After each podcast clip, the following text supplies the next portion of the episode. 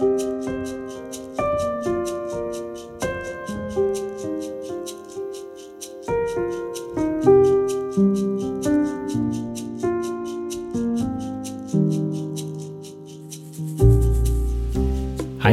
du lytter til Spires pod, og navnet mitt er Vidar Mæland Bakke.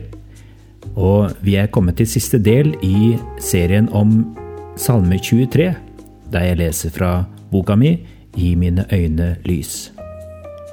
Var det bare en vond drøm? Bare godhet og miskunn skal følge meg alle mine dager, og jeg skal bo i Herrens hus gjennom alle tider. Salme 23, vers 6. Salme 23 avslutter der den begynner, tilbake ved oasen, bak trygge murer i Jerusalem. Var det andre bare en vond drøm? Er det meningen at vi skal ligge i grønne enger, eller må vi også kjempe med livskriser, mot dødskrefter og ytre og indre fiender? Det er noe med denne salmen som har grepet mennesker til alle tider. Kanskje handler det om at den tar Gud med inn i hele virkeligheten. Davids Gud er ikke Gud bare for de sorgløse dagene. Mitt bilde av Gud har måttet tåle å gå i stykker for at et større og mer sannferdig bilde skulle kunne ta form. Spesielt i vår del av verden kan det virke som at livssmerte er noe vi tror vi kan forsikre oss mot. Når en ulykke rammer brutalt og urettferdig, slik den dessverre gjør, vil mange forkaste barnetroen. Bibelen peker på en annen vei om vi våger å ta med både de gode og de vanskelige fortellingene.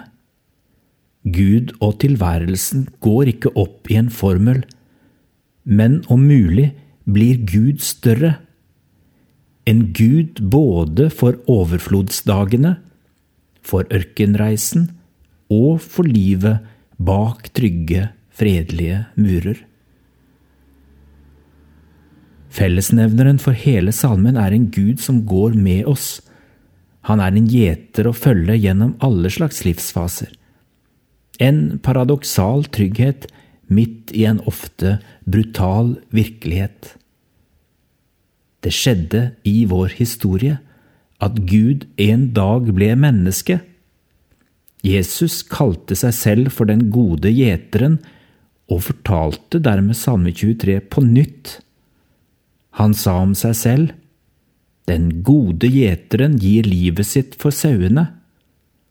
Og så gjorde han det, da han døde for oss på korset, bar våre synder, identifiserte seg med våre krenkelser, beseiret den onde fienden og viste veien gjennom dødsskyggene.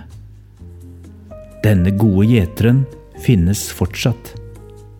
Han kjenner deg, og han elsker deg.